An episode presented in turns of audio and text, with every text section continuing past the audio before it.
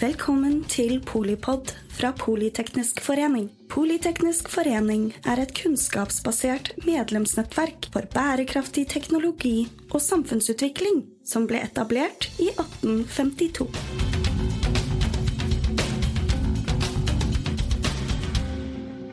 Velkommen til Polipod og serien EU og oss, en podkastserie i samarbeid med Pål Frisvold om hva EU-samarbeidet betyr for Norge. Serien er produsert med støtte fra stiftelsen Fritt Ord. I dag har vi med oss gjester fra nettopp Europa, så denne episoden vil være på engelsk. So Paul, who do we have with us today? Hello, Anya. Thanks for uh, the introduction. Well, today we are very lucky to have with us two prominent parliamentarians from the state parliament of Schleswig Holstein in northern Germany. Uh, first, we have with us Lasse Petersdotter, who is uh, fraction leader and spokesperson on economic affairs and labor from the Greens. Welcome, Lasse. Thank you very much. And we're also uh, happy to have with us uh, Ulrike Täck, who is member of the state parliament since 2022. And you, Ulrike, you are also professor of natural science and technology at the University of Lübeck. Welcome. Hello. So um, we thought we would dive straight into the question that all Norwegians are asking themselves today, because as you know, we've had a period with very high electricity prices. And as we are linked to Europe with cables to Denmark, Sweden, but also to Germany, there is a, a there is a price level that we get from the continent up here, and that people are outraged about this. Um, and one of the explanations that the Norwegian public is presented with, and which we always return to, is why did Germany get out of nuclear? Why did you abandon such a stable uh, uh, and important production of electricity? Um, so maybe I'll turn to you, Ulrike, first. Uh, from the Greens' perspective, could you tell us a little bit what are your arguments and how is how has this fight been for you to get out of nuclear? Actually, especially we Greens in Germany, the the fight basically belongs to our DNA. This is a long, long story ago where we fighted against uh, nuclear power many, many decades already before. This basically was also the foundation of our party, and I think the story to come after this um, actually gave us uh, the basically um, showed us that we were right in that decision to fight against that. So what you're saying is that this was an issue for you even before um, the threat of climate change as we see it today? Absolutely, yes. This is many, many decades ago where this already was this, and, and this is not so far away from northern Germany where we were. We fight it against the build of new nuclear power plants because we already then saw that the one of the main big points is to find um, to find a transition storage or even final storage for the highly radioactive waste. And this is a truly a problem, and we could see this back then already. Does that mean that you still don't you haven't solved the problem of storing nuclear waste in Germany? This is this is correct. We are still looking for this. We have two we have two transition uh, storages at the at the moment, but there is right now no final storage existing. Um, but the plan is to find a final storage until two, uh, 2031. So it's a question of storage of very hazardous and dangerous waste. There is a question about safety, uh, which I understand also is important for you. Absolutely. And I think this is one of the main points why Angela Merkel decided to get out of this technology as on the 11th of March in 2011 Fukushima blow off, basically. And, you know, M- Mrs. Merkel is, she, has experienced several of such, of such uh, blow offs when you think about Chernobyl in, in 1986 and also in Great Britain 1957 Windscale and Sellafield. I don't even want to talk about what happened in, in the United States. So uh, it appears nearly all 30 years in a nuclear power plant blows off. And um, Angela Merkel is a physician. She she knows really well. So that's technology. that's Ulrike. That's really interesting. And mm, if I may turn to you, Lasse, because I think we all understand uh, as Greens that this is not a sustainable uh, source of energy for all kinds of reasons. But um, we are actually living here in Norway where nuclear has some sort of renaissance, or I wouldn't say renaissance because that means it comes back, but it comes it comes up.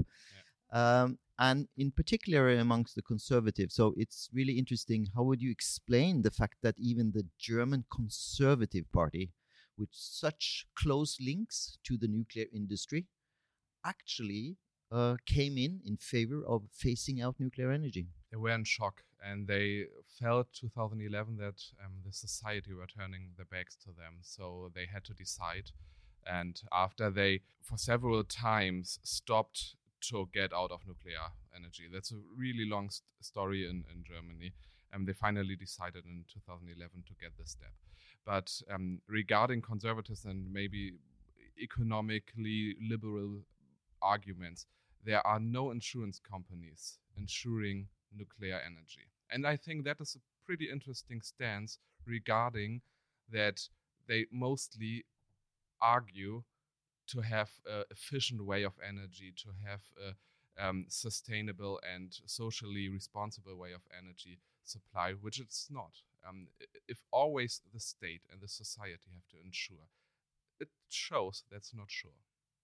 Interesting. Um, and obviously, it's it's quite interesting also to see the differences in debates between France, Germany. We have a neighboring Sweden. We have a neighboring Finland, who also are uh, producing nuclear um, nuclear produced electricity. There is a difference between uh, how these countries approach this problem. Yeah, and um, there's a lot of fairy tale around it. So if uh, we in Germany sit there and um, everyone is talking, well, you will import um, nuclear-based energy from France and stuff like that. What happened the last years? The last years, because of droughts and because of dry rivers, the nuclear power plants in France didn't run, so they had to import um, energy from Germany. Actually, gas-based energy, which is a whole own topic for itself, but um, nuclear energy isn't safe, isn't efficient, isn't cheap, isn't sustainable. So why should we? Just because it sounds fancy and it looks like easy answers to very difficult questions. We don't say we don't need energy. We need renewable energy. We come from a state which um, has a lot of wind energy. We actually uh, make uh, 100 over 160 percent of the energy we need as a state from renewable energies. So we know what we are talking about in energy policy. So that's very interesting. So, if I may ask you, Ulrike, um, the question everybody asks is, what did you do with the energy that you lost because of stopping the nuclear reactors? Um, have you been able to compensate that with what Lasse talks about now, wind energy and solar energy? Absolutely, yes. And we are not talking about the exit out of nuclear power, which we are discussing now, we, because in Germany we are only discussing three remainders of power plants. This is really basically nothing looking at what wind power is doing already in, in Germany. And back then in 2012, when eight eight nuclear power plants were turned out, uh, were turned off, actually it didn't get dark in Germany, you know, and even the coal electricity production, production wasn't ramped up because we were already then able to compensate that with renewable energy. So, and as we are growing in renewable energy, um, the last little portion makes no difference basically however i would like to just for the for the for the wording of sustainability i think there's one very important thing we must not forget here because the eu parliament um, in its taxonomy um, made uh, nuclear power to be sustainable yeah In a Um, transitionary phase, yeah, yeah. and Mhm. I, I think that when we talk about this we have to reflect that situation and uh, actually also here uh, natural gas was also defined to be sustainable in that sense yeah. Um, um, so we, we have to discuss this together in this sense. And out of 705 parliamentarians, 328 parliamentarians said no to that. They didn't want this. 278 only found, yeah, this is sustainable. 33 were basically abstained. Mm. So, uh, so the decision, even in the EU Parliament, wasn't clear cut like this. It wasn't that they went up and said, "Oh, we think this is truly great." Hmm. So what you're saying is that uh, the debate on nuclear hasn't ended in in Europe, and the jury is still out. But obviously, Germany has shown the way, and I think it's important to note what you just said, Ulrike, that um, um, you have indeed been able to replace the amount of energy produced by the nuclear with um, with uh, new renewables. But Lasse, you know that renewable has the problem of not being Mhm. stable. It only produces when the wind blows and the sun shines. So what do we do with uh, these? Uh, how do we get the stability, the backup, as they call it? Yeah. First, with a very smart usage. Um, I'm. We are here since a few days now in Norway, and I think it's very interesting that you are, well, as a customer buying electricity by the spot market. That has very few disadvantages, but I think some um, big advantages um, to our system where we have a fixed price every time. And um, for example, all over the day, the, it's very diff- different how much um, renewable energies are right now in the market. For example, in my district, I just checked it, and I didn't knew that you will ask this question. Um, in an hour from now, we are like 70% in renewable energies in my district where I live in Kiel. Um, so uh, regarding that, I could now consume very much um, energy, for example, my washing machine and stuff like that. So I think a, a smart using of energy will be very crucial for us in the future, even for the pricing arguments. It will be cheaper because, well, there's more energy than in the night. Um, and also, we need um, different systems from battery, um, hydrogen, and stuff like that, which uh, Ulrike can explain very well better than me. No, it's it's true because we need the backup because we need um, a stable in uh, electricity production when the wind is not blowing and the sun isn't shining, and Germany has used coal for that purpose before, and now it's using gas. But we Germany seems to be on its way out of gas as well. How will this take place, uh, Ulrike? Yeah, uh, we are in a transition phase with, with gas at the moment, and this is being in the media also when we're looking at LNG terminals, which are actually, and this seems to be a paradox story, will be just erected newly. However, we have some kind of new new situation here with the war in Ukraine, and we learned out of this that we were too highly dependent on one supplier for for uh, for, for natural gas from Russia and absolutely unreliable uh, supplier with his own global plans behind it. I would really like to say that. Um, so um, so we, we erect these LNG terminals, but this was only and this was this was not easy in our party. We had big discussions about this. The main the very important point is that these are built in a way so that you can switch over to renewable other renewable gases afterwards. Of course, there will be some technology change, technical changes with that, but you can uh, you can uh, er- erect them in a way so that uh, the, the the the technical changes on that are not too big. So meaning that these are also a part in the stability of, uh, of, of energy in our country when you have big storages as this. So storages in the shape of hydrogen, ammonia, uh, batteries, wherever, yeah, is a part in the in the stability of electricity of energy. And these terminals, as they have a very high volume, they play a role in that. Interesting. So what you are describing now, Ulrike, is really the essence of the Energiewende, uh, because this is a huge shift. You're talking about the system shift here. Um, the other uh, criticism that we always, that we often receive in the Norwegian media and public debate, is that uh, because of the phase out on nuclear, Germany has had to, and the war in Ukraine and the Mhm. constraint of imports of gas, Germany has had to open coal mines Mhm. and coal-fired power plants. Um, but the current government still has an objective of phasing out coal uh, by 2030 already. That's Mhm. six and a half years. Mhm. Does that goal still stand? Yes, it does. And um, we are trying to improve that goal even in, for example, states in Eastern Germany, um, where we got some difficulties um, on a regional level. It's important to take responsibility when the time is rough, and the time is rough. We are seeing this horrible war. We all the crisis con- connected to that. So our Ministry um, of Economic and Fa- Affairs of Climate Change and Energy, Robert Habeck, who's from our state, um, he had to make these decisions, and we really appreciate that. But that doesn't mean we don't follow our goals, um, because we on the on on the same time as we went to Qatar and Dubai and bought gas, on the same time um, he passed as ma- many laws as no one before him to boost up the renewable energy industry. So we did both. We need both. Um, although we, we we are not dreaming. We for in our state we are governing since more than ten years.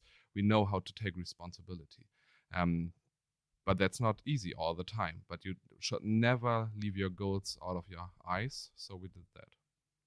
Very interesting. So you were saying that even in the or in the Green Party in Germany, you've had some very difficult discussions Yes. because you uh, actually had to embrace natural gas more than you Yeah. wanted because of this particular transition period. Yeah, we we were horribly dependent on Russian gas. That it's insane. For for 16 years, the conservatives in Germany and the social democrats, to be honest, um, they were very good linked to to, to Russia, and uh, we were horribly um, independent. And we even sold some gas storage um, pretty before the war, um, and that's it. It was a difficult situation when we took over the federal government and um, went in a coalition over there um, to fix that problem um, and to get off Russian gas. We were pretty much addicted on it.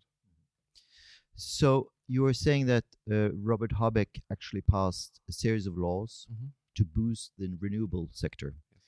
Um, didn't he also pass, or isn't Germany now preparing initiatives to phase out heating sector based Mhm. on fossil Yeah. fuels? Can you tell us a little bit about that? There's a huge debate um, because in Germany the heating system is very decentralized. I lived all my all my life. I lived in a city, and I would um, love to have more centralized heating system because it's cheaper as well, and we can decarbonize a whole district by by one step. That would be great. But in Germany, very a, a lot of areas are um, decentralized heated, and we got a lot of gas and oil heating and we have to get rid of that and we have to get rid of that in our climate goals and if we have the goal to be climate neutral in 2045 or 40 in, in northern germany we want to be 2040 in uh, federal want to be climate neutral in 2040 already. yes um, and on the federal level we want to be uh, climate neutral in uh, 2045 so when we have that goal and we are serious about it then in 2040 there should be no fossil fueled heating systems. And that means if we buy now fossil fueled heating systems, which run 20 or 30 years, you can make the calculation and it doesn't fit. So that's why we have to decide now how to get out of it. And um, for heating pumps and stuff like that. Um, but also, we need the heating networks, which I think is very important. I don't know the English word, but as I live in an apartment in, in Kiel, you always have this small electricity uh, electric device heating up your water, and it's ridiculously expensive. So I think that would be a very important step in social justice as well to get off this kind of heating systems. Interesting. Ulrike, if I may turn to you, because now we've discussed the the long-term goals, the heating sector, but Germany has a huge industrial sector with some very energy-intensive industries. Um, how how are you going to decarbonize those sectors? This will truly be a challenge uh, to to admit that. However, the industry already, I mean, they, they know what, what will be what will be coming in, and they also don't want to be depending on on gas from some kind of country. Uh, Russia is now a story. Which country is the next story we are looking at? So this is in the interest of the industry to become independent of this.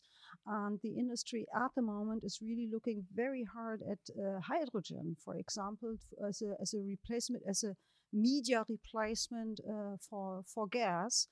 And especially in, in Schleswig Holstein, um, we are looking very much at that. And at the west coast uh, from, from our country, we really would like to, let's say, ramp up hydrogen production based on the wind power we harvest from the ocean, from the offshores. So then I have to ask you the question that all Norwegians want to know because um, you are producing new renewables from wind and solar, mm-hmm. biomass and so forth, um, to replace the fossil sector, right? Um, to replace the fossil electricity production. Now, if you want to use that to produce hydrogen, will that be sufficient or will the, will the hydrogen production based on renewables eat up the capacity of the transition in the main sector? That's often what we ask yeah ourselves. it's a, it's a good question it's, actually it's about additionality yeah call, yeah you know? yeah well you don't you don't go blindly into this you have to plan this uh, up front yeah that you know you know what kind of energies do we need we need, do need some electricity for the hydrogen production um, um, however, the, to, to, produce it at hydrogen is also, let's say, only a way of transporting and storing the energy. It has, first of all, nothing to do with what is being used in the end. You know, either you use it immediately, you don't use hydrogen, or you go that over this way. So, um, uh, but I, I much more see that we have an additional electricity need for the change in the heating systems for the mobility, uh, there we have to talk about what do we need on top. For the hydrogen, we not necessarily need something on top, with the exception of the efficiency of the hydro- hydrogen production. If you know that in advance, you, you can calculate it. So you can calculate how much renewable energy needs to be produced. And for this, we have a goal in our country like how many area do we need to produce we all, we have to talk about areas because renewable energies go into the area yeah we have to accept this as, as a decentralized production and and so we know in advance how much area and how much gigawatt we need to produce okay. in order to compensate Interesting. It. So what you're saying that you need to electrify the heating sector, mm-hmm. you also have to electrify the transport sector, uh, and then comes the additional uh, electrification or to produce hydrogen for the mm-hmm. industry. And for this, you have a plan. Um, in Norway, we have a huge problem with wind energy on land mm-hmm. because it has an effect on nature.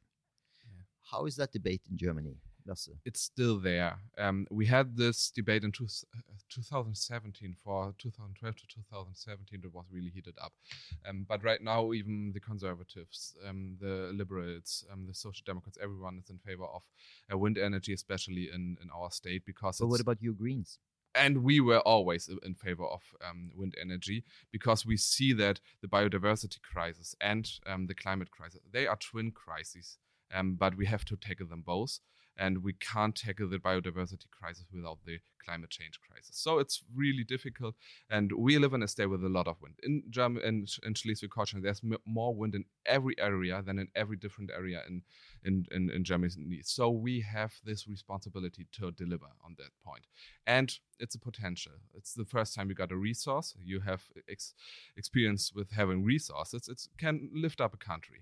So we hope about that, and we can um, transition the, the, the economy and to, to, be a good place for that. Although I have very much, I, I can feel and I understand why this is a different issue here because it's very beautiful here. We got very much agriculture. Whoa, whoa, whoa. Germany is also very beautiful. Yes, it's beautiful at, at, our home too, of course. But um, I see that you are not very likely to put a windmill on every hill and top, and I see that, and I feel that. So maybe it's our responsibility to deliver now a little bit more. So that's Although- you, you, you, Lasse, you're yeah. straight into the the big problem in Norway because, uh, yes, as a Green Party, um, I should say to the audience, we, as I'm part of the Norwegian Greens, we have that dilemma Mhm. um, because we also see the necessity to deal with the climate uh, Yeah. crisis, uh, but at the same time preserve nature. So Ulrike, um, you have a system where you actually you talked about decentralized renewable energy production, um, and you have experience from building those windmills at industrial already industrial uh, areas. Um, well, Schleswig-Holstein is not such a big industrial country, although we want to develop uh, to this. Um, this is this is our motto basically to become the first climate neutral industrial country. Um, and um, no, actually, we, are much more an area country, op- open landscape country, and be quite frankly, for wind you need some kind of open open landscape. But we do have the experiences how to how to bring basically um, nature needs with the wind power together. And one very important thing, and this is what I only can say to every country, is that part of the plan also must be good criteria to judge whether or not we can put here a windmill or not. And we have a good planning for this. Um, and which is made official, and the public is involved in this decision. So you're saying that they're involved at the planning stage, Correct. and not only pre- presented with a already defined project to say what do you Correct, think? and and they can put uh, they can have a veto also on that. Mhm. and the people around the windmills um, in, in some cases can profit from it directly so we call it burger Bürgerwindpark and this is very um, Sorry, helpful you have to say that again. Burger, Burger Windpark it's like Ah. a citizen um, Okay. um, wind like parks impression. and that is very helpful to increase the acceptance because when you just see them turning maybe you feel interrupted and you don't like it. But if you see them turning and you see well that's every every turn is 50 cent in my own pocket it helps. But i want one one more point. Often we hear well it's not beautiful and um, there's uh, it's, it's not pleasing to see those windmills. There is no pleasing way of energy production. I'm standing in pits of coal mines and i protested there it's not beautiful it's moon landscapes so there is no beautiful wind uh, energy um, production i have never seen one Good point. Listen, time is flying, and I wanted to benefit uh, from your participation here because the news this morning in Norway was that uh, Germany has entered an economic recession for the second quarter. yes And um, Lasse, as um, a spokesperson for economic affairs, is this going to last? Is this going to have an impact on the rest of Europe? Uh, how is what is the way for Germany out of this recession? first of all, um, we all know we can never say what will happen in the economy in the future. So I, I won't try. Um, but yes, uh, you're right. We are um, we have to face that face that now. I think one big um, reason for this recession is the interest rates increasing of the ECB, which I'm very cris- crit- I'm re- really critical about um, because I don't think that this inflation is demand driven. Um, I think it's driven by the energy market and um, the war and stuff like that, and everything around connected to it. So I don't think the interest rate raising will t- do any good. Um, we're seeing the housing market collapsing, which maybe will help some millennial genera- generation to get housing soon. Maybe we all dream about that. If you don't get money from your parents, you can't um, get a home, an own homed home by hard work uh, in Germany anymore. So you have to get money from your parents. So you're saying that the youth, the new Yeah. generation, is a bit disillusionized, Yes. disillusioned Yeah, very much. because they Well, cannot fix this Our alone. parent, yeah, like our parent parents did. generation will always say we don't work as hard as, Yeah. as them. and I'm 32, and well, why should we? Mm. Our wealth will not increase by hard work. So why should we work as hard? Very interesting. But that's a whole topic for Yep. its own. Yes, the recession we will face, um, we will see what um, strategies will help. I think the interest rates um, were increased very too fast in the past. So the solution lies a bit in Europe. You say that the uh, the increase in interest rates have to stop. Yes, and um, also we have to look on the economy where whether we maybe need deficit spending on some points. Um, so we have to analyze that because too. the German economy economic policy is very conservative. yes, because of our um, debt brake, um, we can't uh, invest as much as we need, and this debt brake is uh, economically, I think, not very clever. Interesting. Listen, uh, Ulrike and Lasse, it was really a pleasure to have you on this podcast. I hope you have enjoyed your stay in Oslo, and uh, we're looking forward to staying in contact. Pleasure to be here. Thank you, Caroline. Takk for at du lyttet til PolyPod fra Polyteknisk forening. Få med deg flere episoder, eller bli med på nettverksmøtene, som du finner ved å søke at polyteknisk, eller gå på vår hjemmeside polyteknisk.no.